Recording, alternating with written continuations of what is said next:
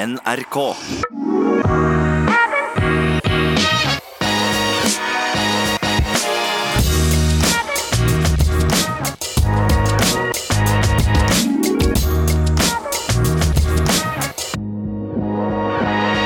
Da er vi i gang igjen. I det lange løp, velkommen til en ny episode. Jeg heter eh, Jan Post, kommenterer litt langrenn for tida. Om ikke så lenge så er det faktisk friidrett. Vi er på den tida av året hvor eh, friidretten også begynner å, å nærme seg.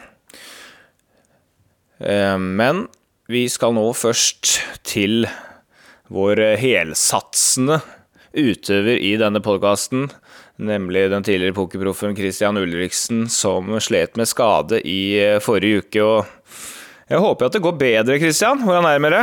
Det går helt klart bedre, og så må vi ta ting litt stegvis nå, sånn at vi forhåpentligvis kommer oss over kneika på den betennelsen. Så eh, forrige uka så eh, løp jeg intervall sammen med de her eh, guttene i, i SK Vidar på, på tirsdag og torsdag, og så kjørte jeg en litt eh, forkorta utgave av ei tempoøkt eller en litt tøffere langtur på lørdag. så var ei løpeøkt hver dag, og utenom det så eh, var jeg i ny og ne og kjørte litt eh, ellipse og litt eh, styrke. Så det var ei OK uke, men eh, 83 eller 84 km er selvfølgelig ikke det kilometerantallet med løping vi, vi trenger her for å forberede oss til en maraton. Men jeg må nesten ta det stegvis nå hvis jeg skal komme meg over kneika på den betennelsen. og så er jo eh, Det innholdet på de intervallene var greit. Jeg skulle kjøre 6000 meter på tirsdag, det ble syv. Det gikk eh, brukbart fort inne på Bislett. der. Det er mye folk i Oslo som er i brukbar form, og det underlaget inne på Bislett det, det gjør òg at det går fort der. Så vi sprang vel fra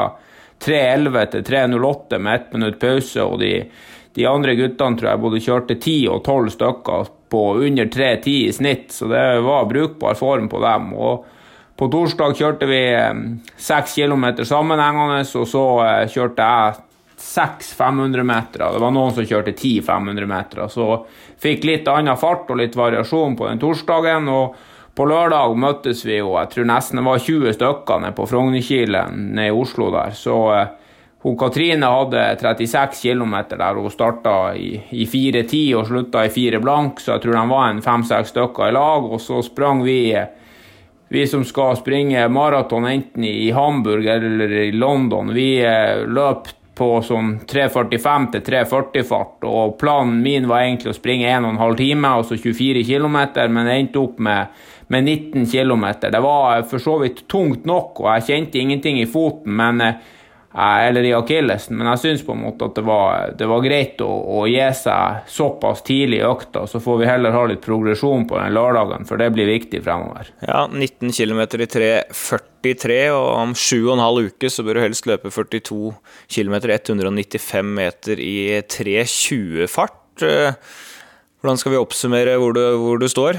Nei, med tanke på at jeg sprang på 1,08 der i Barcelona for, ja, for, gode to uker siden, så er det selvfølgelig sånn at når du, føler at, at, du slutter å trene litt for at du må få orden på noen skader, så, så forsvinner jo en del av sånn der umiddelbar form ganske fort. Men det som forsvinner fort, kommer jo ofte fort tilbake òg, så jeg tror vi må, må gi oss sjøl en en to uker til, og hvis det fortsatt er tungt på 3.45, så har vi et kraftig problem. Men det bruker som, som regel å bli en del, en del, lettere. Men det er klart jeg skulle ønske at jeg kunne gjennomføre både litt mer og litt bedre trening for øyeblikket. Så såpass ærlig skal man jo være. Du får trøste deg med at det fins flere der ute, meg selv inkludert, som hadde solgt sjela for at det hadde gått halvgreit nå i 3.43-fart. Det hadde jeg vært særdeles fornøyd med, så uh, men, men, der er ikke jeg, altså. Sju og en halv uke. Jeg har jo hatt uh, en uke av mitt uh, skippertak her nå. to måneder skippertak for å prøve å berge noe form i London Marathon. Vi snakka med hverandre på, ja, ut på tirsdagen, så jeg hadde jo da ikke trent på to dager. Så fem dager med trening da i forrige uke, og da kom jeg vel opp i rundt 85 km. Så jeg kom i hvert fall i gang. Fikk meg en langtur på tre mil i ja, 4.03-fart der, og så fikk jeg en økt i går på, på en halvmaraton hvor jeg løp litt progressivt fra fire blank og ned mot 3.30 på en litt for snill mølle, så ja, Jeg har nå i hvert fall trent. Det er ikke så mye mer å si om det. Det som var gledelig, var at jeg hadde i går mindre vondt rundt omkring i den kropp, gamle kroppen min, som stort sett skriker et eller annet sted, enn jeg har hatt på veldig lenge. Så hvis det fortsetter, så er det kanskje mulig å trene. Og hvis det er mulig å trene, så er det jo mulig å komme i form. Uh, all erfaring tilsier at hvis jeg klarer å få trent jevnt bra i et par måneder og ligge på ja, 100-120 km i uka hvert fall, så, så blir jeg i vesentlig bedre form. Får vi se. Men uh, det er jo andre som skal løpe London Marathon, så var reaksjonen i helga. Kenenisa Bekele skal jo opp mot verdensrekordholder Eliod Eliud Kipchoge, og Bekele var jo to sekunder unna verdensrekorden i, i, fjor, så det er en hel maratonverden som egentlig venter på det der oppgjøret i, i London 26. april. Bekele storma inn på halvmaraton i London i helga. Særdeles svak konkurranse det løpet, men han løp nå på 60-22. Ehm, hva, hva, tror du? Har han sjanse mot Kipchoge om sju og en halv uke?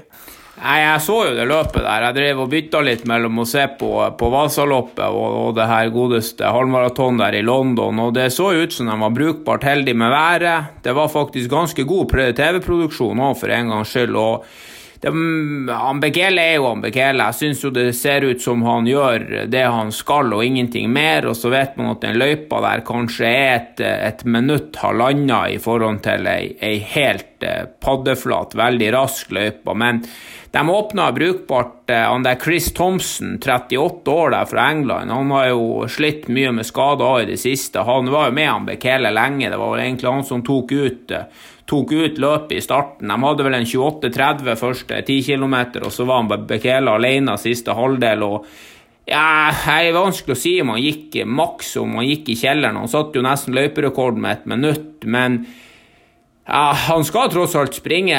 De, de, snakker jo om at det skal gjøres et reelt forsøk på å sette verdensrekord i London og kanskje springe under 2.01. og Da må han jo nesten springe like fort som han gjorde der i London to ganger. Om han, om han klarer det, er jo syns jeg jo er vanskelig å si. Han så ganske fitt ut. Han så ut som han var i brukbar form. og det, det er klart han har han har åtte uker igjen, han òg, men, eh, men, å springe på 2.01, det, det, skal gjøres. Altså, det, det, er ikke, det, er ikke, sikkert at, at, det går, for å si det sånn.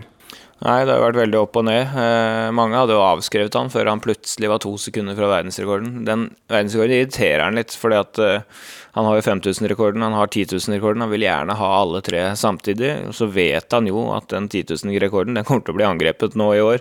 Når vi har hatt uh, Ronex Kipruto ned på 26-24, er det vel på vei.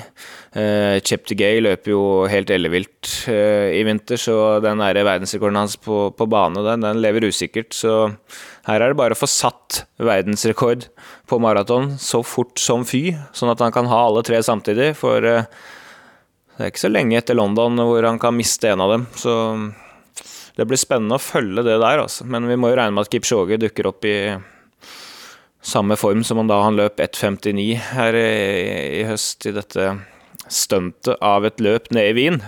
Og da blir det jevnt, altså. Ja, det, hvis du ser statistikkene mot hverandre i moderne tid etter han Kipchoge gikk over på maraton, så har han jo tatt totalt livet av Bekele alle gangene de har prøvd. Og så kan vi jo alle være enige at Bekele verken har vært i god form eller vært forberedt. Og det eh, antar jeg jo han blir å være denne gangen. Jeg tror vi kan få se et helt spesielt løp i London. Det snakkes jo om at at de beste harene i verden skal, skal, bidra her. Og da snakker vi om halvmaratongutta som, som gjør 58 40 og, og springe på 2.05 på maraton. Det er sånne folk som er nødt til å, å, være med for å kunne være harde i en, ja, par og 20 km. Å få folk til å springe så mye lenger enn en 24-25 km i front på sånn der 2.01-fart, det er det ikke mange i verden som kan gjøre, så det er ikke lett å få tak i dem heller. Nei, heldigvis har London en del eh, penger å slå i bordet med, så de får nok tak i noen av de beste, men det er ikke mange som klarer det i verden, rett og slett. Så det er ikke så lett, det der. Men det har skjedd mer i maratonverden i helga som var. Én ting er jo Tokyo Maraton, det var jo fullstendig ellevilt. Jeg telte 18-19 japanere som løp under 2,10. Eh, det er én nordmann som har klart det noensinne, det er Sondre Nordstad. Hva skal vi si til det greiene der, da?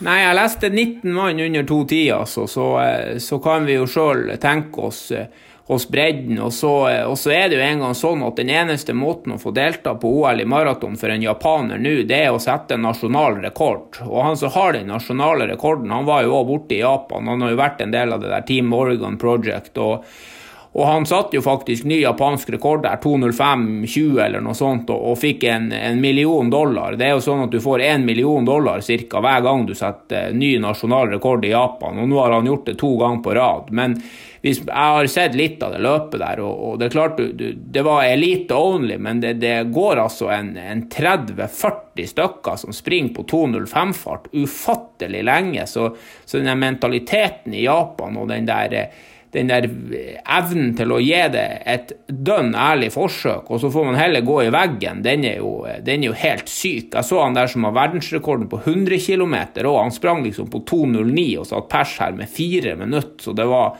det løpet borti Tokyo, det, det, det var nesten det, det, drøyeste vi har sett noen gang med tanke på bredden. Og så er det jo en par etiopere som, som, gjør jobben i front og, og vinner på 2.04, men å springe på 2.04 når du er fra Etiopia, det er ikke sikkert det engang holder til å komme til OL.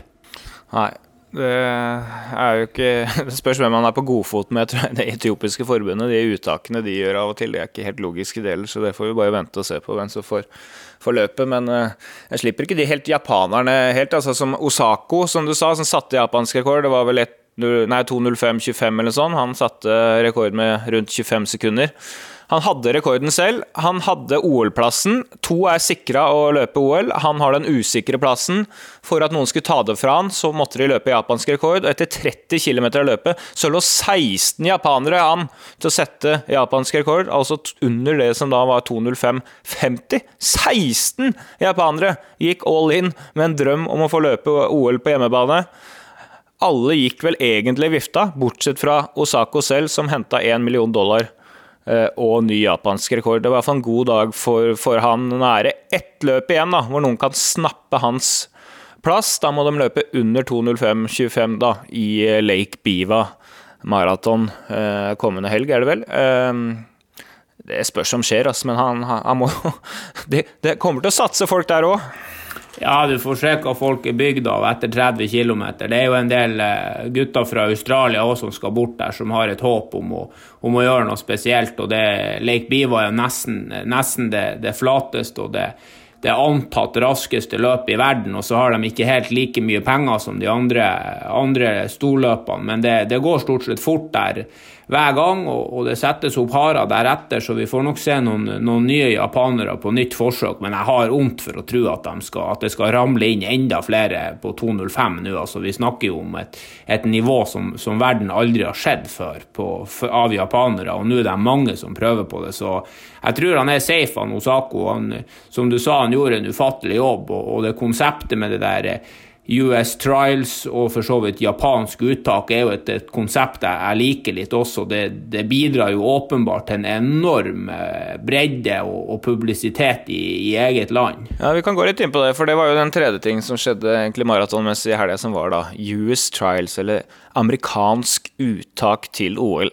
Der er det sånn at de eh, over en periode over et år har et uttaksvindu. Alle herrer som løper under 2,19, og kvinner er vel under 2,43, er det ikke det? Eh, får lov til å være med i dette løpet. Det var vel en 500 deltakere da, som stilte opp eh, da i Atlanta i helga. Og da går startskuddet. Også de tre første i mål i herreklassen, de tre første mål i kvinneklassen, får en plass til OL. Det hjelper ikke om du er sjuk, om du har løpt verdensrekord for en måned siden, om du har tidligere olympiske medaljer, om du er skada.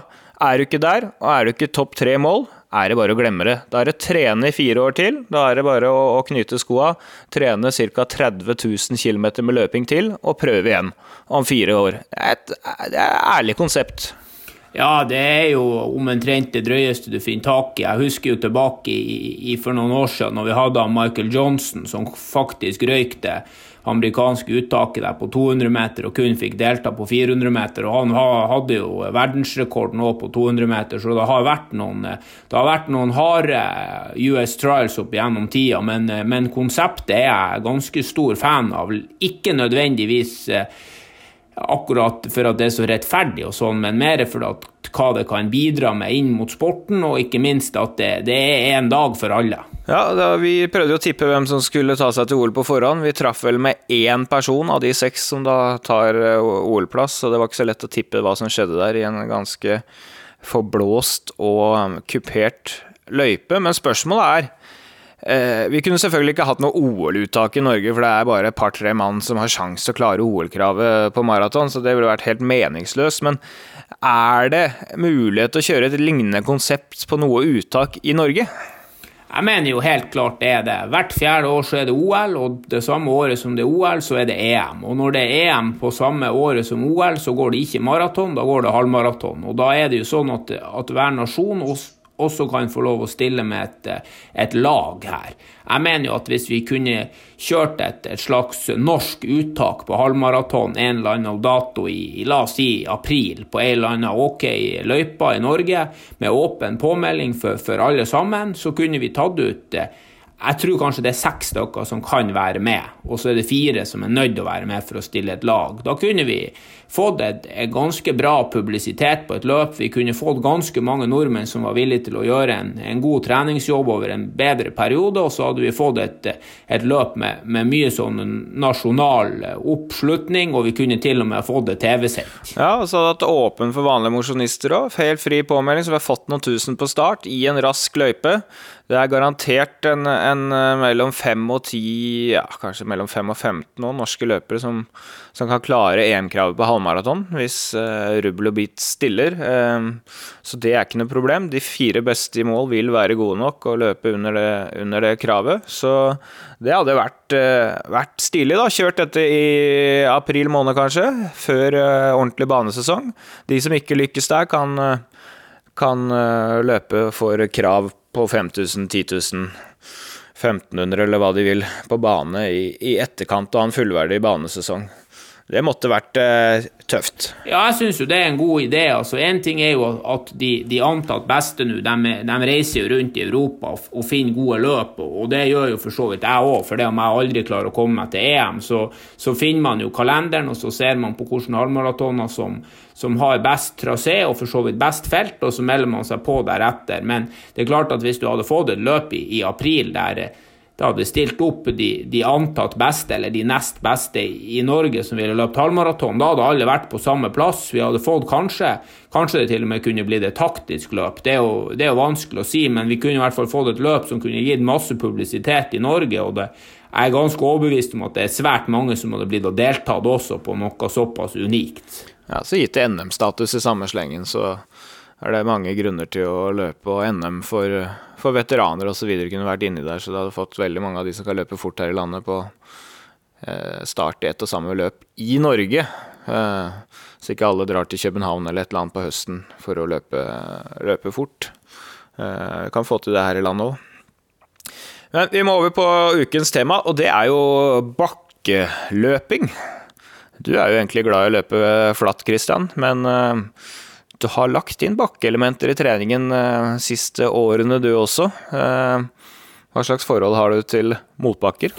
Nei, hvis jeg i etterpåklokskapens navn kunne fått lov å, å gjort noe annerledes siden Jeg begynte å trene der i 2011, så er det to ting jeg hadde blitt gjort eh, med, med hyppighet og fått kontinuitet på mye tidligere. og Det ene er styrketrening, og det andre er definitivt bakketrening. Og Så kan man diskutere hva er det å trene i bakke. Det fins det finnes mange måter å gjøre det på. Du har den, den varianten som han, som han Sondre og han Renato Canova de kjører mye av, som er en 10-15 sekunder, som de kaller egentlig for hill sprints. Og så har vi den jeg må nesten si den, den gode Ingebrigtsen-økta der med 20 ganger 200 meter i, i bakken. Noen uh, i slak, ca. 5-6% stigning, og, og, der springes det jo fort. Og så springes det litt roligere ned i pausen. Noen deler det der opp i to og kjører to ganger 10 ganger 200 meter.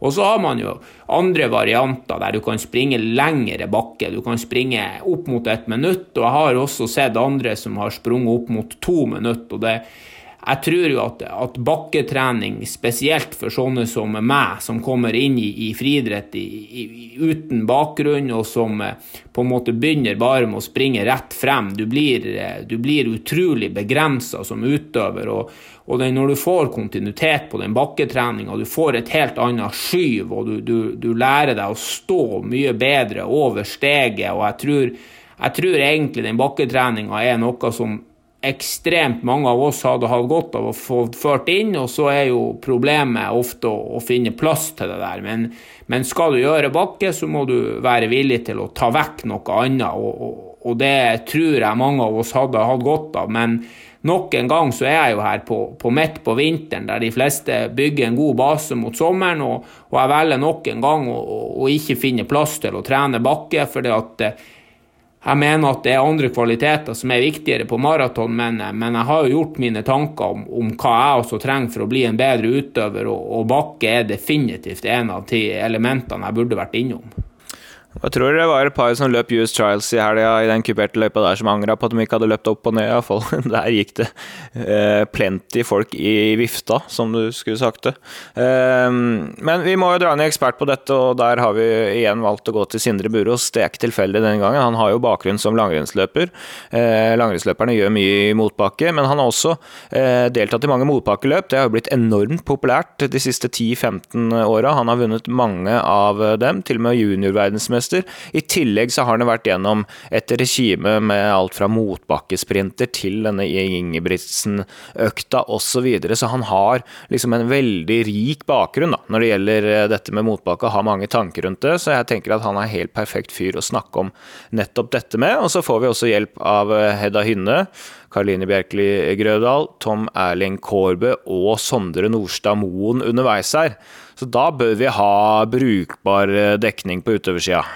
Ja, definitivt. Jeg syns spesielt det er interessant når vi får med sånne som Hedda, som jeg, jeg, vet for så vidt lite om. Jeg vet jo svært lite av hva de gjør på trening, men jeg ser jo at, at det å springe 800 meter og for så vidt 1500 meter òg. Det, det, det, innebærer mye mer eh, sånn friidrettstrening som, som, ikke ja, vi mosjonister, spesielt vi som har, har, begynt med løping og gått rett opp på en lang distanse, vi har gått glipp av mye av den treninga de er veldig gode på. og jeg ser jo, ser jo gutter som er i hvert fall ett minutt og nesten to minutter bedre enn meg. altså Gutter som nesten springer under 30 minutter på 10 km, som har kjørt en del bakker med Karoline nå i vinter. og de blir stort sett hengende litt bak, og, og når det går de, fra repetisjon 15 til repetisjon 20, så sliter de med å være med. Så Karoline er åpenbart også veldig sterk på den bakketreninga. Det er kanskje det som er forskjellen på, på en god baneløper som Karoline, som kan gjøre ned mot 14,40 kanskje per dags dato på 5000, og, og løpere som meg, som sliter med å springe under 15 blank. Det er kanskje de der tingene. Ja, nå skal vi iallfall lære mer om det. Jeg sier bare motbakke Kjør!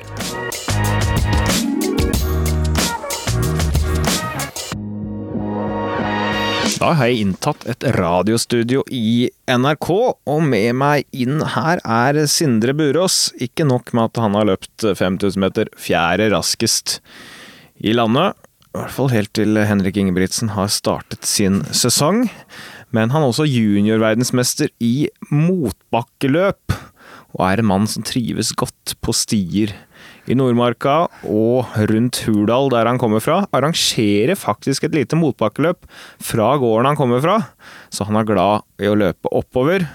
Og med et oteopptak godt over 90, så kan jeg forstå det. Eh, vi som ikke har det, er kanskje ikke like bra glad i motbakker, men dette kan være veldig effektivt på trening. og noen vil jo hevde at motbakke bør inn i de fleste treningsprogrammer. Det skal vi gå litt nærmere inn på i dag. Velkommen, Sindre. Tusen takk. tusen takk. Takk for fin intro. Jo, men du, det er sikkert mange som har glemt den juniorverdensmestertittelen i motbakkeløp. Hvordan kom det i stand? Nei, eh, det er, eh, det er lenge siden nå. Det var vel tilbake til 2008, så det er jo tolv år siden. og det er eh, Uh, nei, det er jo nok bare det at jeg var uh, veldig bra i å løpe motbakke. Og jeg trente mye motbakke spesielt på, på uh, til skisesong. dette var før jeg egentlig var ordentlig Dette var mens jeg var både langrennsløper og, og friidrettsløper. hvor jeg hevda meg i disse, disse juniormesterskapene i, i motbakkeløp. Så det er nok noe som har ligget naturlig, men også et resultat av at jeg har trent i masse motbakker. Ja, for OT-opptaket ditt har jo alltid vært høyt. Det var jo din styrke kanskje på ski, ski også, men har du gjort noe for det, eller er det bare ligger det naturlig for deg? Ja, det, har jeg begynt å lure på, for det sånn som nå siste, siste vinteren år, så har jeg trent veldig lite, men det går veldig fort. Eh, så det kan nok hende at jeg har, har et talent for utholdenhetsidrett. Men, eh, men, jeg vil jo påstå at jeg har gjort en innsats for å bli god i å løpe oppover også. Eh, og det handler om, handler så klart litt om fysikk. Jeg er lett i kroppen og har en sånn, sannsynligvis en muskulatur som, som trives med å løpe i, i motbakker. Men, men, jeg har løpt mye kupert og løpt mye på sti, og der hvor jeg kommer fra, så er det bakker overalt. Så det har ligget naturlig i bevegelsesmønsteret.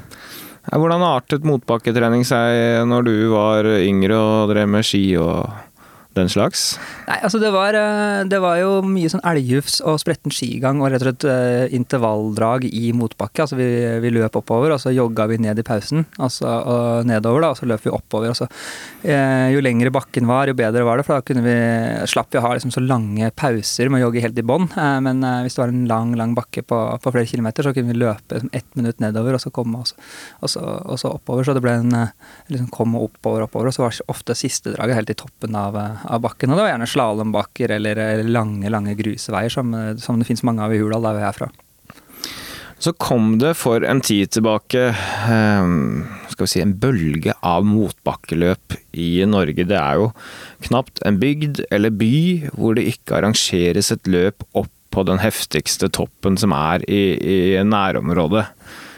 Har du hevet deg litt på den eh, bølgen her for noen år siden, eller fikk du ikke vært med på det noe særlig? Uh, nei, jeg fikk vært med på noe av det. Det ble litt sånn sporadisk. Jeg starta jo løp ikke Det var ikke så gjevt med motbakkeløp når, vi, når jeg holdt på som junior på ski. Uh, vi hadde en del sånne Mistberg og opp, og det var liksom noen sånne klassikere. Tryvann, Tryvann opp, som sportsklubben Vidar arrangerte uh, i Oslo og sånne type ting. Og så kom den der bølgen, men da var jeg allerede i gang som, som friidrettsløper. og jeg la inn noen av de løpene som rett og slett litt, litt jobb. rett og slett for jeg kunne tjene noen, noen penger på, på, å høvde meg i det. Også litt sånn når det passa som en økt, men det ble aldri en ordentlig satsing mot de store løpene som Skåla og Fanarocken og, og, de løpene der, som, som, jeg kunne nok hatt et større potensial i hvis jeg hadde, hvis jeg hadde gått ordentlig inn for det. Men da, eh, når det var på sitt beste eller største, så var det friidrett som gjaldt, og da, da ble det, det nedprioritert både i trening og i konkurranser. Betyr det at vi kan se deg noen av de kommende årene i sånn type løp? Ja, det er nok uh, ikke tenkt at jeg slenger meg med på sånne løp. Uh, nå har jeg veldig god uh, streak på altså motbakkeløp som varer fra altså som har konkurransetid fra ti minutter til en halvtime, eh, så tror jeg jeg er så å si ubeseira. Eh, så det sitter veldig langt inne å være med i sånn type løp uten, uten å vinne. Så, eh, så, hvis jeg er med, så må konkurrentene forvente at jeg er i, i, i bra stand. Jeg har ikke lyst til å slenge meg med på sånne type løp bare for å, bare for å være med, men, men, det er nok noe som ligger mer naturlig enn å løpe 15, kanskje 800 meter og baneløp, i hvert fall. da. Jeg har jo minimal eh, erfaring fra denne type løp. Eh, jeg har løpt Misberget opp, som er et løp du faktisk nevnte, som er like ved der jeg bor. 400 høydemeter, ganske, i dine øyne, sikkert ganske slak grusvei. Jeg syns jo det blir bratt til tider, men det består av ganske ordentlig løping, og jeg syns jo dette er forferdelig vondt og hardt og det er ikke noe jeg gleder meg til, altså. Men hvordan kan mosjonist som meg bli bedre på den type eh, løp, hvis man skal trene for disse motbakkeløpene, og det er det mange som gjør. Hvilke tips har du? Ja, nei, Da ville jeg løpt en del i motbakke. Det handler, om, og det handler litt om det samme der, men det, eh, mange sier at, eh, at, det å løpe i motbakke er rett og slett en, en konkurranse i høyest O2. Eh, det har jo vekt som, en, som en, en, faktor, og noen er talentet for å løpe oppover, og andre takler det ikke, rett og slett. Det er noen som er veldig gode til å løpe flatt og, og er lette i kroppen, mens når du, når, du, når du, løper motbakke, så låser det seg, rett og slett. Så det er nok litt talentbetinga, men, men, det handler om å løpe og trene på det du ønsker å bli god på, og da vil jeg uh, brukt tredemølla og satt den på 5-6% eller brattere, og løpt uh, motbakkedrag. Uh, og også, også, løpt ute da, i, i liksom ulendt terreng og prøvd å løpe intervaller i, i, motbakke. Og så går den i pausen, og så løper du oppover. og Se på det som en vanlig, vanlig kondisøkt, og gjerne ha litt lengde på dragene. da, At det ikke blir bare sånn motbakkesprinter, men at det blir ordentlige intervaller opp på bakke.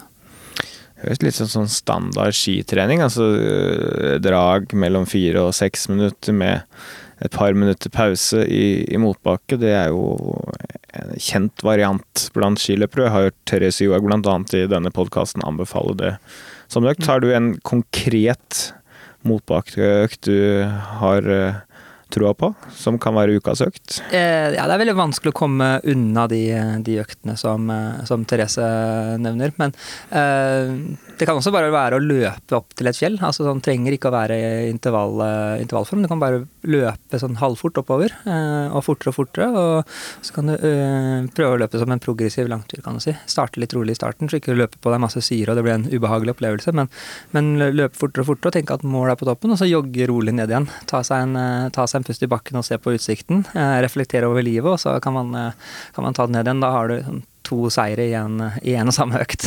så, eh, sånn utenom, utenom intervall, som kanskje er det mest effektive, så fins det måter å bare gjøre det sammenhengende også.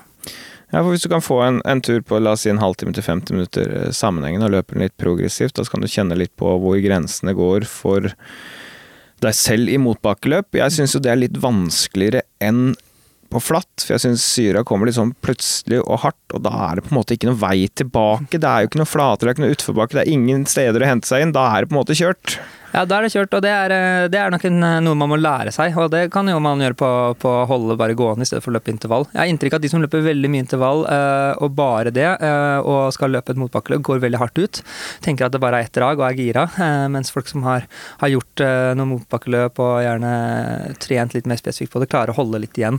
For det er som du sier at den syra kommer veldig fort, og den blir du aldri kvitt. Og da er Sånn, for å løpe et optimalt løp, så er løpet ødelagt. da. Og det er veldig mange, hvis vi ser på Holmenkollstafetten f.eks., eh, opp Besserud, eh, og meg sjøl inkludert, så er det mange som ikke har veldig mye futt i beina siste 100-meteren. Og det er, det er, fordi at det er bratt i starten, og, og de blir stokk stiv, og da, da, går det sakte oppover, rett og slett. Så det er noe man må, man må lære seg. Og, og, min egen erfaring var at det første motbakkeløpet for sesongen gikk ofte ikke optimalt. Eh, fordi man rett og slett ikke hadde helt kontroll på å fordele krefter. Eh, så man gjerne løper seg litt inn i det. og Litt sånn som folk bruker 800 meter og 1500 meter også. Eh, bruke et par løp for å, for liksom komme litt i, i, den rytmen man må ha. Da kan kanskje denne økta du, du nevnte nå, løpe sammenhengende opp til et fjell, være med å at folk kan kjenne litt på de grensene? Ja, absolutt. Og det har litt sånn med teknikk og sånn å gjøre. De, sånn som Skåla og Saudahorn og Fanarokken, de er så utrolig bratte og så lange til tider. Så det handler litt om hvilke partier skal man løpe, og hvilke skal man liksom gå skigang. Jeg husker jeg løp opp eh, Skåla en gang, og og liksom trippa oppover som en løper. Eh, og så kom eh, Kristen Skjeldal eh, i det bratte henget der, og jeg følte jeg hadde god rytme, men så kommer han med sånn lange skyv, klyv. Han, går, han går, på en veldig rar måte og slenger med armen, og, og så tenker jeg søren, må jeg henge meg på han her? Jeg har ikke lyst til å tape for Kristen Skjeldal. Eh, og så prøver jeg liksom å løpe, da stivner jeg. Og så prøver jeg liksom teknikken man må gå, og så klarer jeg ikke å Jeg har liksom ikke den kraften eller teknikken. Eh, så der var det rett og slett Jeg føler nesten at det var en teknisk eh, ting. At han var Han hadde utvikla en sånn egen, egen, teknikk i de bratteste hengene, da. Eh, så det handler litt, eh, hvis du skal forberede deg på de løpene der, at man lærer seg litt i minste motstands vei. At man ikke løper og blir stokk stiv hvis det er fordel å gå, f.eks. Og så er disse overgangene jeg syns er litt ekle. Hvis man først begynner å gå, da, for det blir veldig bratt, og man ligger på grensa og skjønner at her eh, blir jeg dønn stiv hvis jeg løper, så går man oppover, og så skal man begynne å løpe igjen, den syns jeg er ekkel. Ja, det er, det, er, det er, ting som man må trene på. Det er, eh, men det er sånne ting som jeg faktisk synes er veldig nyttig eh, å utvikle seg som løper også. Eh, for at du får den derre Du blir mye sterkere i steget, og du klarer å komme seg opp igjen i frekvens. Eh, det handler litt om hvis du løper en slak nedoverbakke på et gateløp, og så flater du ut, eller går du kanskje litt slakt oppover, så må du også kunne slå om. Eh, mens i motbakkeløpene så blir det enda mer ekstremt. Men hvis du, hvis du lærer deg den teknikken med å, å få beina til å gå igjen, at du klarer å bruke bruke muskulaturen i beina på, på litt ulike måter, så har du også en, en, et fortrinn på, på, alle mulige løp. Hva mener du er optimal disponering i et motbakkeløp? Nei, det skal føles relativt uh, komfortabelt halvveis. Uh, uansett hvilken lengde det er. Og det gjelder jo i ganske mange løp. Men, uh, men nesten alle løp hvor jeg har løpt, så vil jeg si at 90% av de som har vært i tetgruppa, har åpna fart. Uh, og meg sjøl inkludert. Uh, du kan løpe så fort på slutten av alle motbakkeløp uh, hvis du har krefter igjen, og det går, går mye fortere enn hvis du er, er døds, dødstung. Så utrolig mange som er altfor startraske, og, og du skal rett og slett nesten føle at du jogger, jogger de første 25 og så kan man øke litt og litt. Men det skal være komfortabelt halvveis, eh, vil jeg si. Og så kan man gasse på. Litt avhengig av profilen på løypa, sånn hvordan den ser ut og hvor du har dine styrker. Men hvis du tenker at det hadde vært en lineær kurve, så skal det, det har vært like bratt hele veien, så skal det føles bra halvveis. Jeg tror jeg er blant de 90 altså for at det er Litt av problemet er eh, ofte hvis det har vært litt slakere partier. Da, så føler jeg jobber bra, ligger på grensa. Eh, men når jeg ligger på grensa og det plutselig brekker opp, da sliter jeg med å senke farten så mye at jeg fortsatt holder meg under terskel, da, kan du si. Da braser jeg rett ut i det, og så er det kjørt. Ja, og det er jo det er litt det som du nevner, at du har fart som begrep. Altså farten eh, synker kilometer i timen, og du går oppover, så blir det en helt annen innsats som kreves. Og det kan man se når man jogger rolig tur. Eh, at man har mye høyere puls i, i motbakkene, ti, ti, slag. Og hvis du ligger på terskel og øker uh, pulsen med ti slag, så, så, blir du stiv. Eh, og da skal du løpe en del saktere da, for å holde jevn, jevn, intensitet. Så det er det det handler om, å holde en jevnest mulig intensitet og prøve å, å fordele kreftene hele veien. Og, og, ikke gå i den der fella med å gasse på. Det er ti sekunder er nok. I en bratt motbakke så er du stokk stiv. Det, det, det, er mange som har prøvd seg på motbakkesprinter, og selv om den bakken virker kort, så kan den være veldig lang eh, på de siste dragene. Jeg har trent litt den type økter eh, du har fortalt om før òg. Fire, fem, seks minutter eh, i motbakke og, de variantene der, mot noen sånne få lokale motbakkeløp. Men jeg opplever at selv, både de øktene og, og selve motbakkeløpet er gode økter. Altså. Jeg syns jeg vokser på det. Eh, blir sterk av det både mentalt og, og fysisk, så jeg syns det har vært eh, rett og slett god effekt av det. Hva tenker du om det? Ja, det, det er jo et, et viktig uh, poeng. At du får en, uh, du får en uh, trener rett og slett O2, da. nå er ikke jeg sånn treningsfysiolog, så jeg kan ikke fordi akkurat hva som skjer men, i kroppen, men, men mitt inntrykk er at du får veldig god O2-trening. Du krever mye av, av pusten og, og, systemet ditt, og du utvikler rett og slett en god kondis uten at den muskulære belastningen er for høy. Da. Du, kan, du kan holde på lenge lenge, du kan løpe lange drag, du kan ha mange, mange drag etter hverandre uten at du blir helt utslitt i, i beina og ødelagt i, i sener og, og skjelett, som gjør at du bare bygger base og kondis til, til, til andre typer treninger også.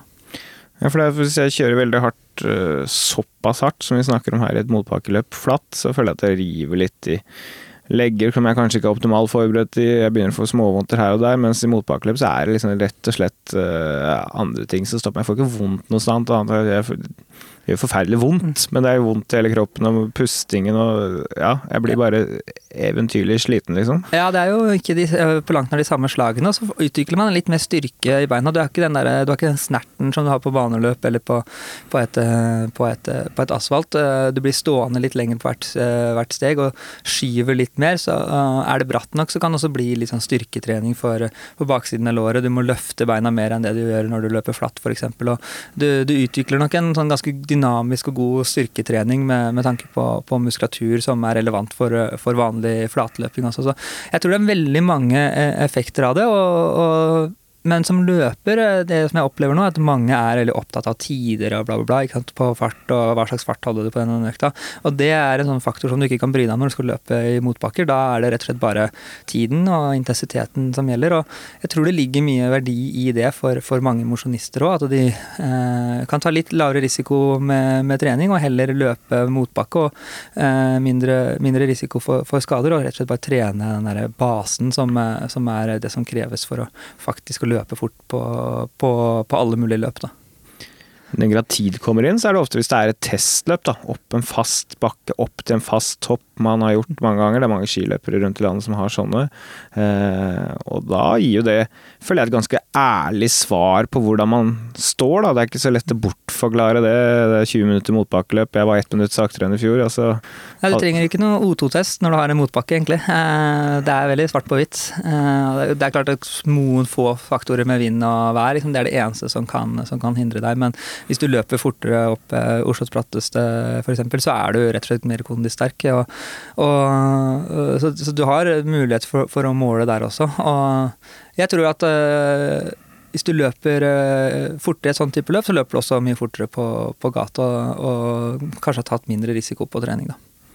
Så det kan være en, en, test hvis man ikke vil inn i en, en lab, og så samtidig kanskje få en bedre økt enn en ren O2-test som ofte varer fem, seks, sju minutter. Ja, absolutt. Så nei, ut og løp, uh, sier jeg. Og det er, eh, det, det er, ting du ser ute i skogen nå, som det er jo et annet aspekt. Da. Men å løpe opp til Vettakollen, motbakkene fra, fra Sognsvann og opp til Skjennungstua f.eks., der kan du få, få, kjempebra økter med å, å, dyrke deg dyrke løpsstyrken i beina. Du kan bli råsterk. Og, og det, er noe, det er ikke noe særnorsk ting, det. Jeg har vært i Kenya og løpt 21 km motbakkeøkter, som er kjører ned i bånn av Rift Valley. og så løper du opp til, til Kaptagat, hvor uh, mange av de beste løperne bor. Og i den bakken er jo Daniel Komen oppvokst og hatt sine første treningsår. Og da handler det rett og slett bare om å løpe 21 km i 4-5% motbakke. Og det er en test som Canova har gjort med mange av sine beste utøvere. Og, og mange av de beste kenyanerne har, har, løpt opp der som både trening og også som, som tester. Så,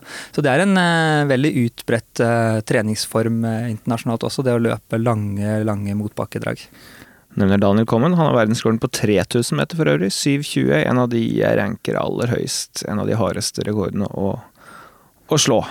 Ja, så det funker, det. Altså, han er, eh, selv om han er liten og puslete, så er han ganske sterk i muskulaturen. Og det, det kommer nok mye av, eh, av, at han har trent i de miljøene han har gjort.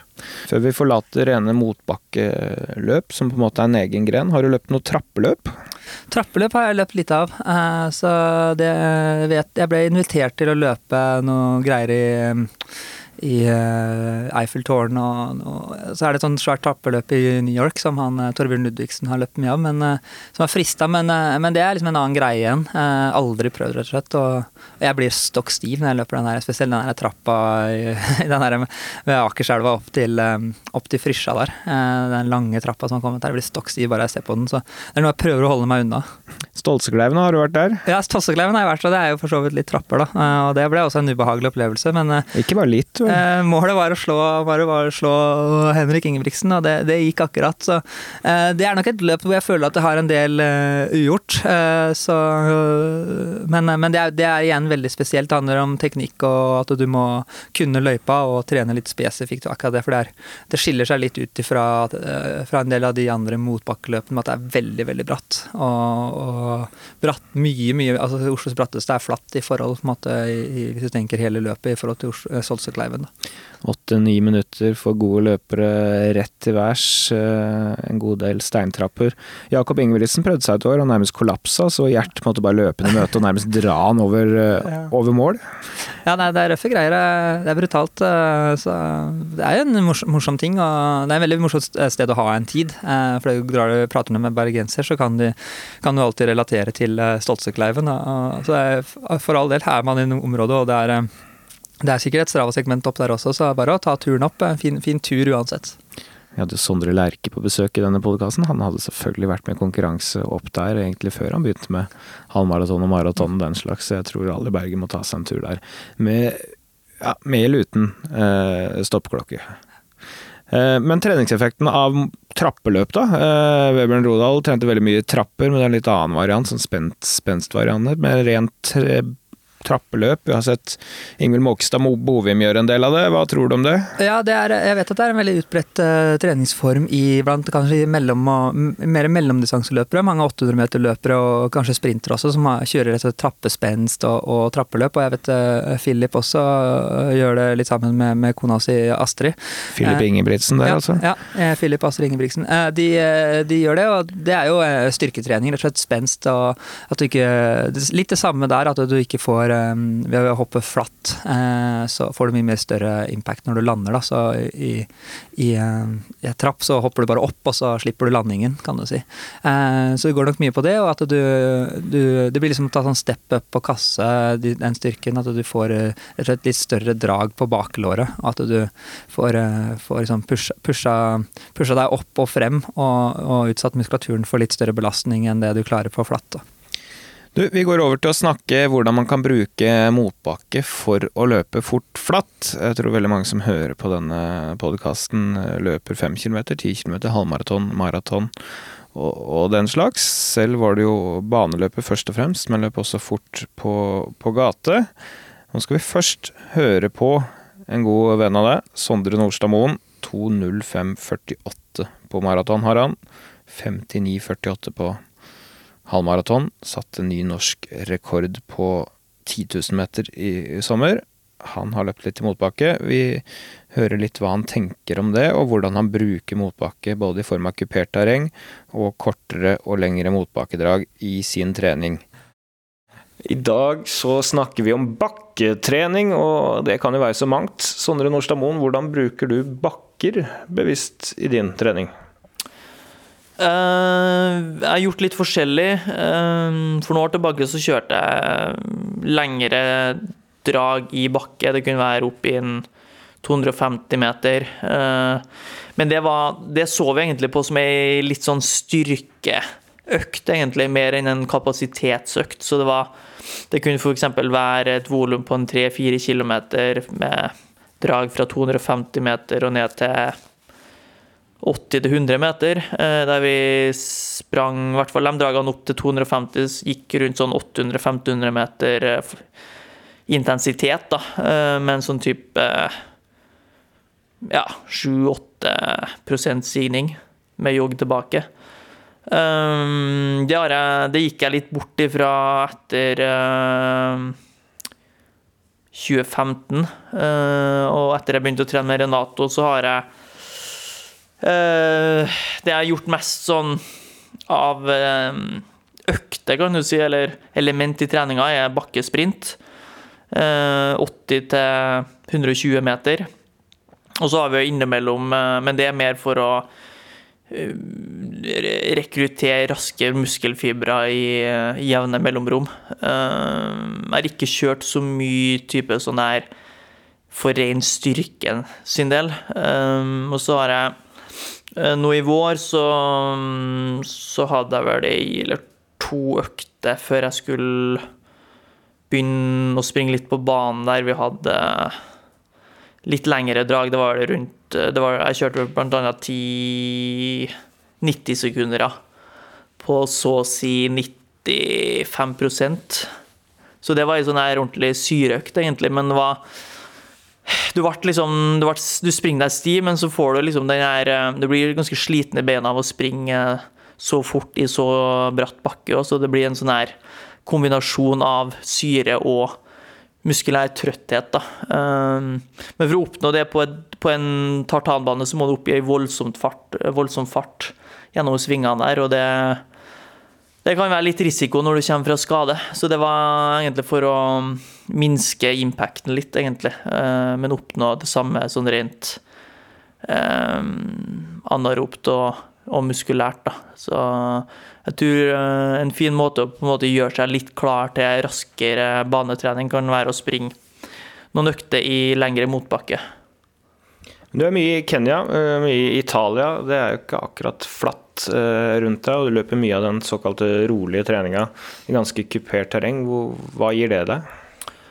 Det gir en, det gir en um, god generell styrke uh, som kan gjøre deg, gjøre deg um, klar for uh, å tåle mer trening på spesifikk, spesifikk uh, fart. Um, men når du er, hvis du snakker maraton, da, eller egentlig alle distanser, når du på en måte går inn i, en, i den spe, mer spesifikke treninga, så blir så kan det, en, kan det også være noe negativt, for du vil ikke klare å restituere muskulaturen og være fresh nok til den treninga som skal gå raskt. Så jeg tror det er veldig viktig. Jeg tror det å springe i lange, slake motbakker, legge liksom løpeturene innom kupert terreng i tidlig i en uh, ressursperiode, kan være fornuftig. Men jeg tror at det der må Men jeg tror det der å, å unngå de verste og lengste bakkene når du skal gjøre deg klar til en,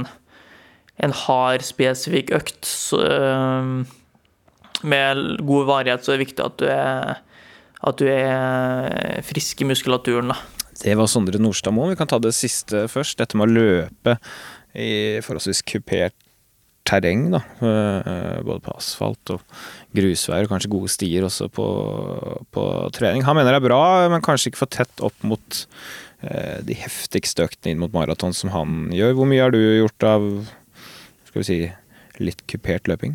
Eh, veldig masse. Og jeg tror eh, Sondre er jo inne på veldig mye, jeg kjenner meg igjen i, i masse av det, og, og veldig enig i alt han sier. Også.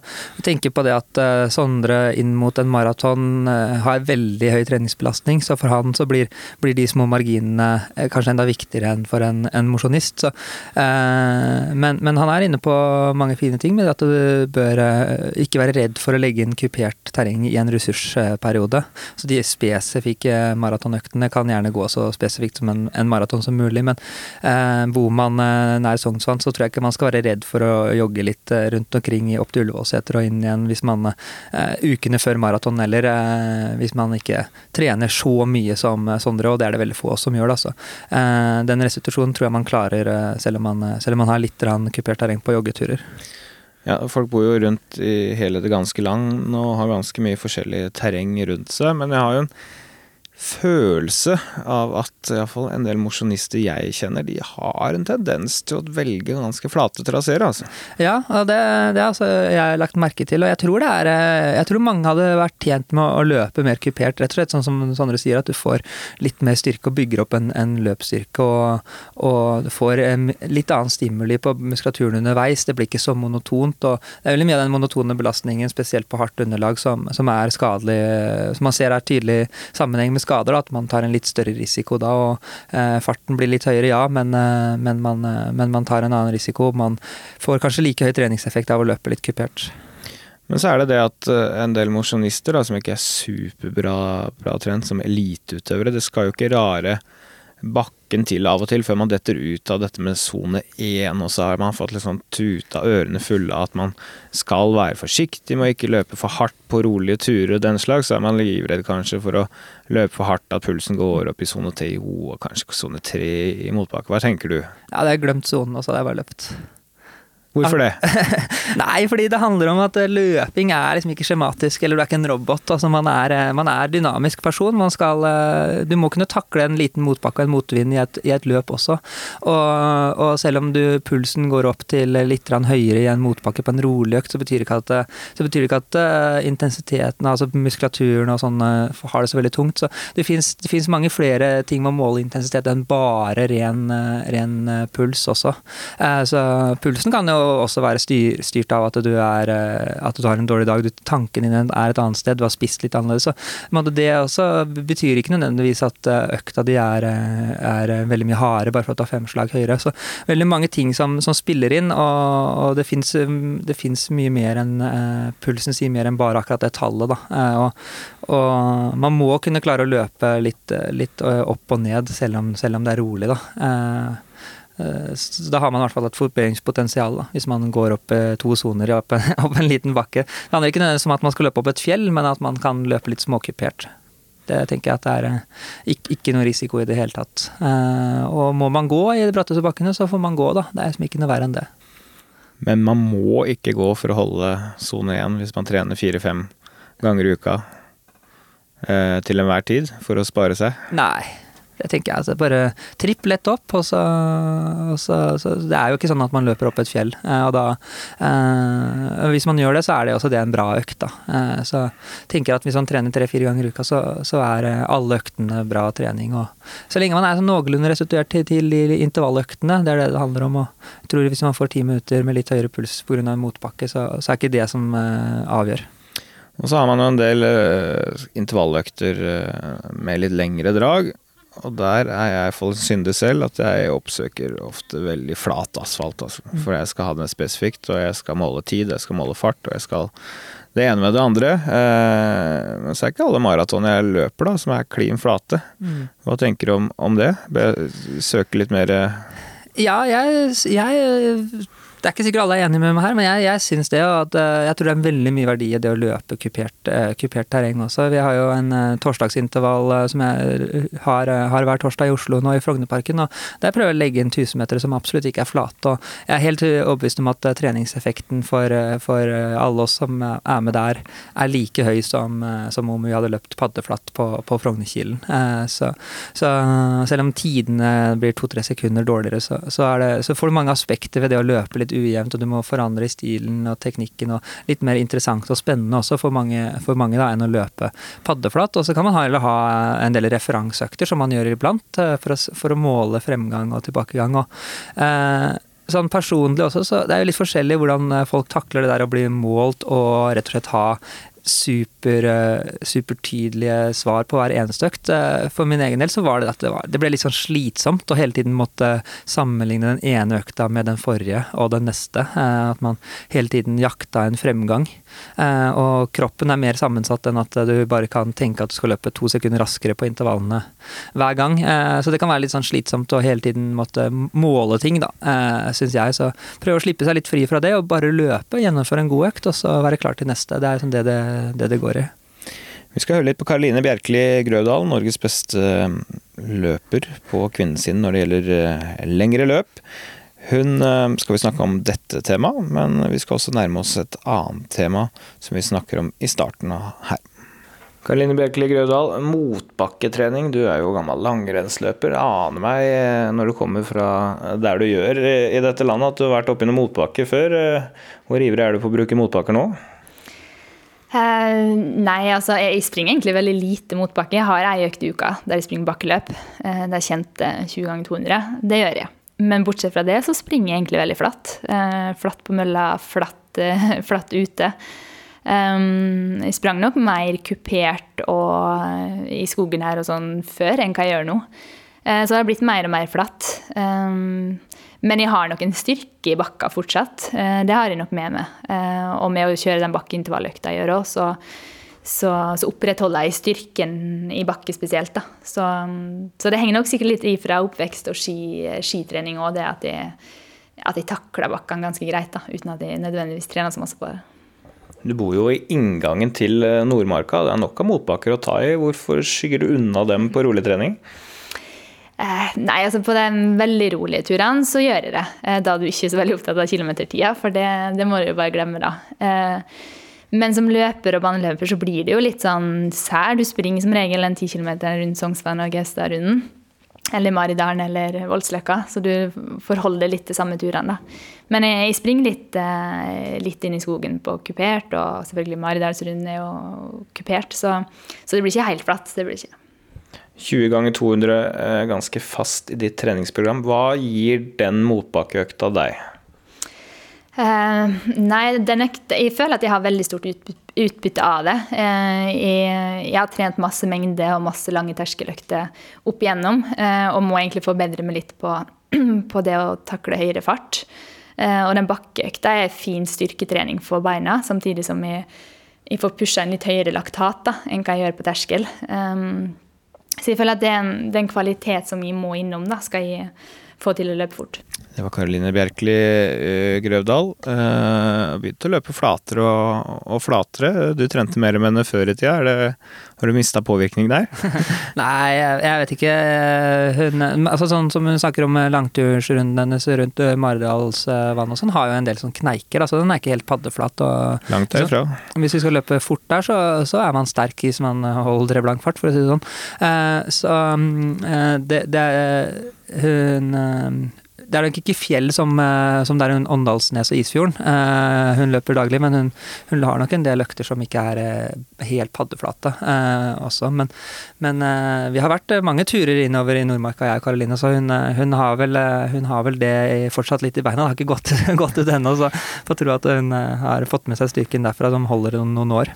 Ja, og Som tidligere langrennsløper fra Isfjorden, så har hun løpt sine høydemeter. Det er i hvert fall helt sikkert. Men 20 ganger 200 meter er en økt som blir nevnt her. Eh, hvis det skal være enda mer spesifikk, så er den ofte delt i mm, to ganger 10 ganger 200 meter. Altså to serier. Og dette er en økt som sprer seg raskere enn vinden i Norge for tida. Det er en motbakkeøkt Brødrene Ingebrigtsen er kjent for å bruke hver eneste lørdag formiddag. Eh, hvorfor denne økta? Nei, det er eh, Jeg også gjorde jo veldig my mye av akkurat den. eh, Veldig ofte på, på lørdager selv. Eh, Litt mer sånn som Sondre var innom i sted, med å kjøre litt lengre drag i starten og så kortere. Men det er sånn som Karoline sier, at man utvikler litt anarob kapasitet uten at risikoen er for høy. Skulle du kjørt den økta flatt, så ville du hatt veldig høy risiko. Da måtte du kjørt eh, 200 meter eller 300 meter opp mot 1500 meter fart, som, som, er, som er noe som eh, blir veldig høy belastning så har veldig mange kilometer på anarob terskel. Men det er også det at du eh, trener baksiden av låret og rumpa. Du får liksom utvikla løpsspesifikk muskulatur. da. Du blir mye mer løpssterk. og eh, Min erfaring er hvis man bruker det også litt som en slags teknikk, at man eh, prøver alt man kan å holde høy frekvens, være kort kontakttid eh, på bakken, så er det også en sånn type teknikkøkt. Så det er flere aspekter inn i, i samme økta. Og når du kjører ti, eh, ti drag, også to sett eh, med en, et halvt minutt, 40 sekunders innsatstid, så, så er det også en sånn kondisøkt. Du blir sliten av det. Med en oppvarming av nedjogg, så er det, en, er, det en ordentlig, er det en ordentlig økt også. Så min erfaring er at folk som gjør dette regelmessig og, og er flinke til å holde det i gang og holde høy frekvens og lærer seg øh, å løpe, disponere krefter, og blir mye mer løpssterke, rett og slett. De får mye mer uh, utvikla steg, de får mye mer kraft gjennom, uh, gjennom steg, også på lavere fart. Så det er en, mange effekter som, eh, som er verdt å, å ta med seg i en oppkjøring til alle mulige slags løpskonkurranser. Du trener en del mosjonister, eh, supermosjonister vil de kanskje kalle seg. Brukbare, brukbare løper. Vil du anbefale den type økt også for eh, den type løpere? Ja, alle mine treningsprogram inneholder uh, motbakkedrag hver eneste uke. Så hvis ikke det er noe helt spesifikt, eh, hvis man ikke skal ha en, eh, en eh, veldig spesifikk maratonøkt dagen etterpå, eller noe, så, så er det ofte at man sløyfer den, den uka. Men eh, stort sett så er det innom motbakkedrag to ganger ti ganger 150 meter til, eh, til 200 meter, litt avhengig av eh, hvor bratt den er, eh, bakken, men ca. halvt minutt eh, til 35 sekunders innsatstid er liksom det jeg ligger, mye rundt. Da. Så, så det, er, eh, det ser jeg at det gir veldig god effekt på, på alle mulige løpere i alle mulige nivåer. Ok, da må vi gå spesifikt inn i den økta her, for nå har vi snakka litt rundt. Nå må vi eh, ha gjennomføringa 100% hvis folk skal gå ut og teste dette her. Ja, eh, varmer opp en eh, to-tre kilometer eh, som en vanlig økt, eh, 15 minutter. Finn en bakke som er ganske slak. Det gjør ikke noe at, er, at du løper inn i bakken, at den, er, at den er flat i starten. Det er nesten en fordel at du ikke starter midt i, for da får du ofte en, ofte en sånn brutal start, og den aksjasjonen koster mye. Så løp deg litt inn, inn i økta, så oss si, lapper du klokka idet du passerer en lyktestolpe eller et eller annet. Eh, finn en bakke som er eh, forholdsvis jevn stigning. Eh, alt mellom 4 til, til 7 og så eh, vil jeg bare ta tida i 30-35 sekunder, og så kan du stoppe der. Eh, trenger ikke å tenke at det skal være akkurat 200 meter eller 150 meter. Eh, og veldig fint hvis det er en lyktestolpe eller et fotgjengeroverfelt eller eh, et eller annet tre eller en stubbe eller hva som helst. Eh, og da har du satt, eh, da har du satt rammene. Bruker du den, eh, det strekket der hver eneste gang.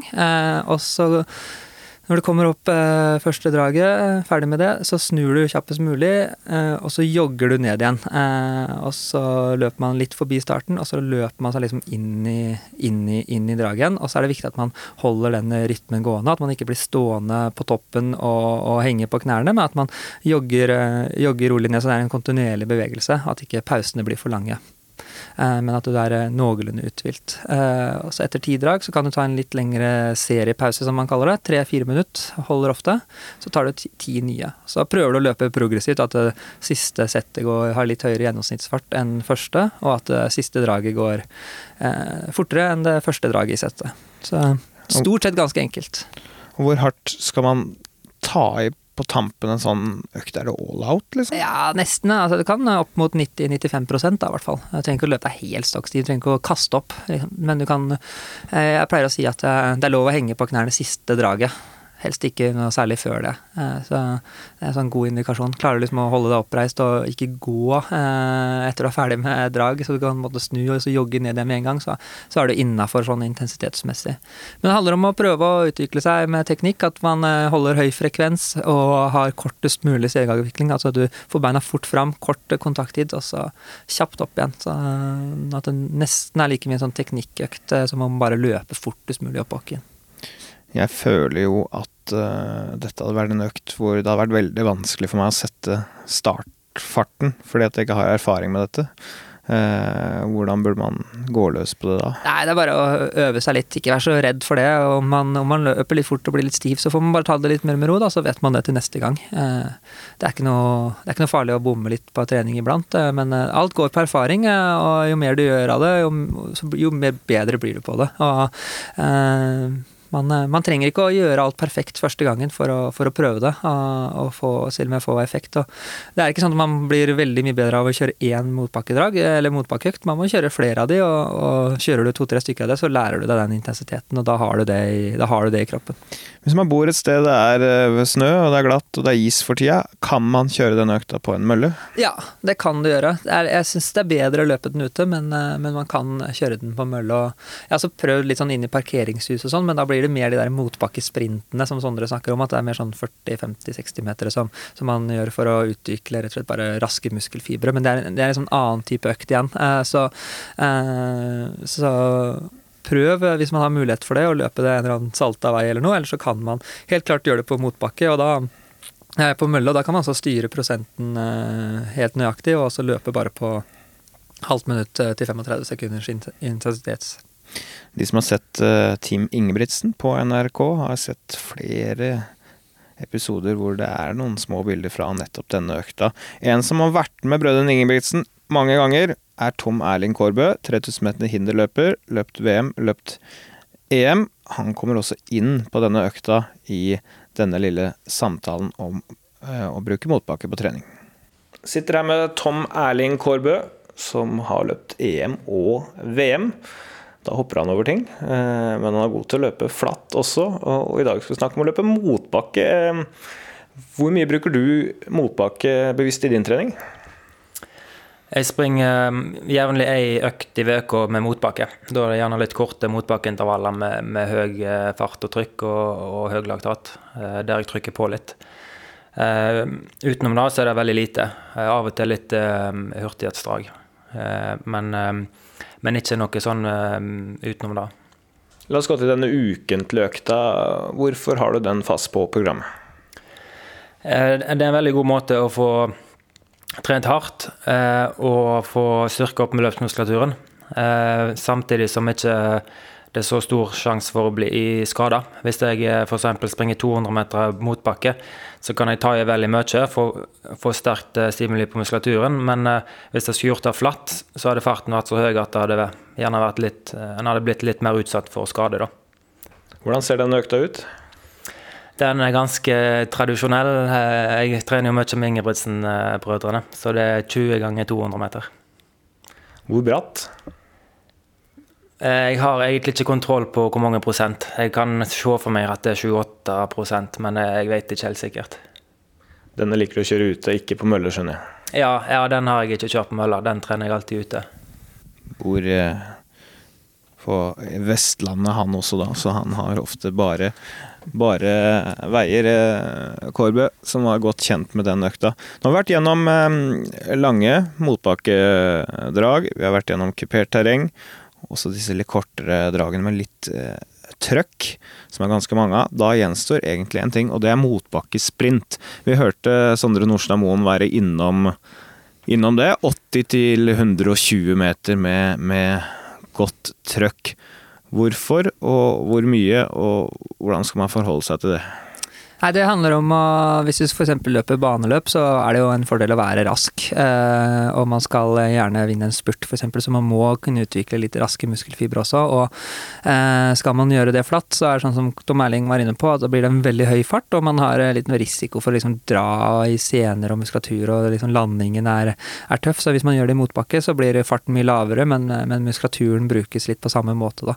Eh, og eh, det er rett og slett en, en sånn hurtighetstrening som man kan, kan, utvikle, og du rekrutterer raske muskelfibre, som du også bruker når du, når du løper maraton. Uh, vi hadde jo en uh, vi hadde jo en podkast eh, tidligere hvor vi snakka om stigningsløp underveis på langturer.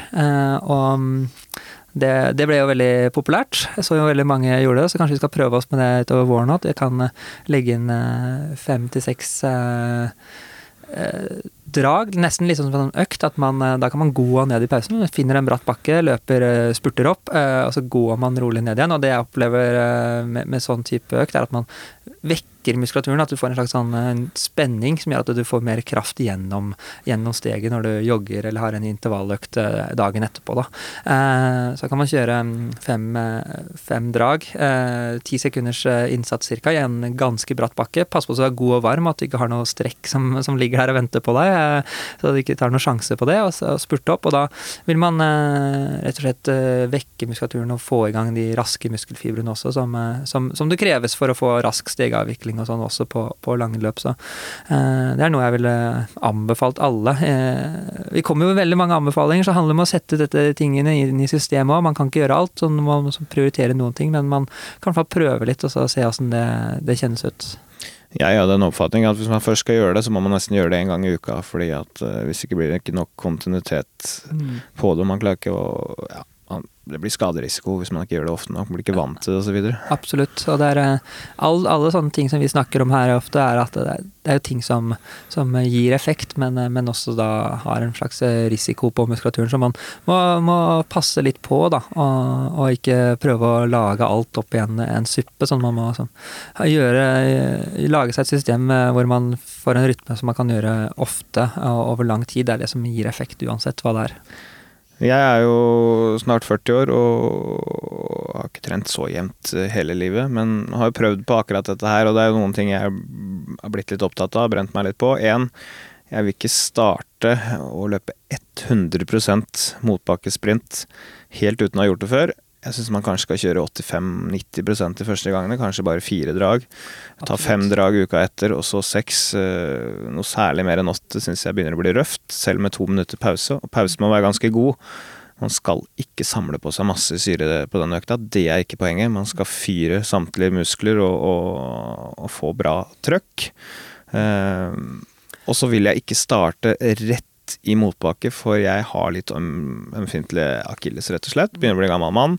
Så den akselerasjonsfasen, hvis jeg kan legge inn iallfall fem-ti meter med litt sånn flatere sånn overgang inn i bakken, så det ikke blir maks drag på akilles i akselerasjonsfasen, så er iallfall det et triks. Eh, for det er en viss belastning når man ikke er vant til det og ikke har løpt på bane hele livet og ikke vant til å ta i alt man har lenger. Man gjør jo sjelden det som mosjonist. Det er kanskje nettopp derfor vi har godt av det, men man må være litt forsiktig i overgangen. Ja, ja. Man blir veldig fort ivrig, og det er veldig viktig det du sier her nå, at vær, vær litt forsiktig med alt sånt som handler om noe som er ekstremt i, i, med tanke på fart og, og, og muskulatur. Og, uh, det har vi ikke snakka så mye om, jeg har i hvert fall ikke nevnt det, men uh, du nevnte flying start, som vi kaller det, at du jogger over startstreken. Det er en sånn ting som nesten gjelder for alle typer intervalløkter, som, som jeg anbefaler mosjonister å gjøre. Om så er korte eller lange drag, men jogg over start. Uh, I hvert fall på alt som har med motbakkedrag og motbakkesprint å gjøre, sånn at man ikke, akselerasjonen blir så enormt krevende. Ja, alternativet til motbakkesprinten, den kan nok være nesten enda verre for mosjonister, for da begynner vi å snakke om 60-80 meter flatt. Ja.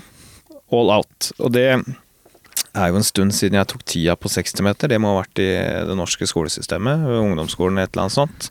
Så jeg ser for meg at hvis jeg skal gjøre det, så blir det enda røffere, da. Ja, jeg gjorde, jeg gjorde, en del av det når jeg var nærma meg banesesong. Eh, gjerne sånn i februar-mars, eller mars-april-perioden. Så kjørte jeg, kjørte jeg sånn uh, fosfattrening seks ganger, eller åtte ganger 60 meter med, med, to minutter pause. Og spurte alt jeg kunne, og det gir en voldsom effekt. Du klarer liksom å få slå om, og det blir lettere å løpe enn 200 meter på, på 25, 25, sekunder på intervaller seinere, hvis, hvis, man har gjort en del av de. Men, men det, da drar det, og du kjenner kjenner liksom at wow, dette her er eh, Selv for min del som har løpt mye baneløp og sånn, så er dette en helt annen belastning enn det det er å løpe oppover. Så eh, prøv å unngå det hvis du har en litt stram, eh, stram akilles og bakelår. For da, eh, heller da løpe i, i, i, bakken. Det gir nesten samme effekt og mye lavere risiko.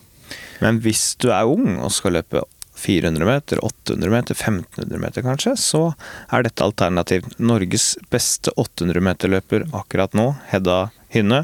Bare noen hundredeler fra den norske rekorden har hun vært. Løpt OL, VM både inne og ute og EM og det som er. Hun er litt inne på det i denne praten. Sitter med en som har løpt OL og VM her, Hedda Hynne. Og dette med motbakketrening, gjør du noe av det i din trening? Har gjort, gjør det ikke per nå. Hva er grunnen til at du gjorde det, og hva er grunnen til at du sluttet? Eh, grunnen til at jeg gjorde det, var vel egentlig for å få styrketrening på hamstring og fyring. Eh, grunnen til at vi ikke har gjort det, er at vi har eh, andre ting som har eh, tatt over for den belastninga, tror jeg. Eh, det er jo Erik som er sjefen, så det er han som, eh, som bestemmer hva som skal inn og hva som skal ut. Har egentlig ikke noe mot bakkeløp, men det er helt greit å ikke gjøre det òg. Vi gjør veldig mye forskjellig. Med, når du trener mot 800, så er det både utholdenhet og sprint og styrke og basis og hele pakka. Har du erstattet det med styrketrening? Jeg har alltid hatt styrketrening, så jeg vil ikke si at jeg har erstatta det med det. Men jeg tror det er mer at vi kanskje kjører enda mer sprint flatt, rett og slett. Um, hva følte du at, at denne motbakketreninga ga deg når du holdt på med det? Du får jo en litt mer skånsom måte, kanskje, på å få kjørt skikkelig Da kjørte vi stort sett sprint, altså så snakker vi 30 meter, liksom, bare makssprint. Og skikkelig sånn skikkelig styrketrening, rett og slett. Det var vel det jeg følte at det ga meg, på en litt sånn mer skånsom måte. Så bak NTNU så er det noen dritbratt eh, bakke som, er, eh, som har varmekabler i bakken, for det er så bratt. Der har vi løpt på vinteren. Kjekt med varmekabler, da. Da kan du gå ut. Men ja, du trener mye på, på mølle. Løper du alltid flatt i din rolige trening, eller er det varierende terreng der? Eh, stort sett flatt, men flatt da mener jeg litt stigning. Altså alt fra 0,3 til 1 1,5 kanskje, men ja, stort sett eh, så ligger jeg vel på en halv i stigning, da, bare for å eh, ikke løpe helt flat, for det, eh, det, er det ikke uansett ute. Og så justerer jeg vel mer på fart enn på bakke, ja, eller stigning. det var Hedda Hynne som har gått over til å løpe mer flat sprint, og det kan gi god effekt, det. Ja, og hun er jo en uh, mer rendyrka 800 meter-løper, og da er det litt mer de, de uh, de egenskapene der om å generere eh, kan si bare fart, da, som, som gjelder kontra en gateløper eller maratonløper. Eh, så helt naturlig at hun gjør det, og hun er jo ekstremt godt trent. Da. Hun er jo gjennomtrent og sterk, så hun, hun tåler det jo. Eh, og, og er liksom litt mer avhengig av å ta den risikoen når du skal løpe OL- og VM-finale. Så, så må, du, må, du, ta litt større risiko og trene på mer spesifikt på den, den hastigheten og det som kreves. da. Hvis du skal løpe 5 km på 20 minutter, så er det kanskje eh, mer fornuftig å, å, ta det litt imot bak for å gjøre det litt mer skånsomt. Ja, da liksom Da må du ha litt, skru om tankene litt, og det du kan gjøre mye av, er det du blir god av. Og, og du blir ikke god av å ta for høy risiko og bli skada. Eh, da får du for mange da får du for mange opphold i treningen. Det handler liksom om å finne en rytme og en, en måte hvor du, hvor du, kan trene mest mulig de riktige egenskapene, og, og mest mulig av det, rett og slett. Vebjørn Rodal hadde en fast eh, sprintøkt i uka som gikk eh, flatt, så det kan funke på sitt vis. Vi håper Hedda Hynne når eh, det nivået. Det hadde vært, vært topp. Vi skal prøve å få med Vebjørn Rodal og få ut hele treningsuka hans ved en senere anledning i denne podkasten. Så du er invitert hvis du lytter, Vebjørn. Det var alt eh, vi hadde om motbakke i denne episoden. Da har vi vært gjennom ganske mange sider ved motbakke. Tusen takk for at du kom, eh, Sindre. Så håper jeg at dere har fått noen tips, og kanskje noe å eh, tenke over. Og kanskje noen småvarianter å legge inn i treningsuka. Følg oss gjerne på NRK i det lange loop på Instagram. Der samler dere inn spørsmål. Der kan dere sende inn forslag på både det ene og det andre. Det er en mulighet til å komme i kontakt med oss. Neste uke så blir det et helt annet tema. Håper at vi høres da. Takk for at du lyttet.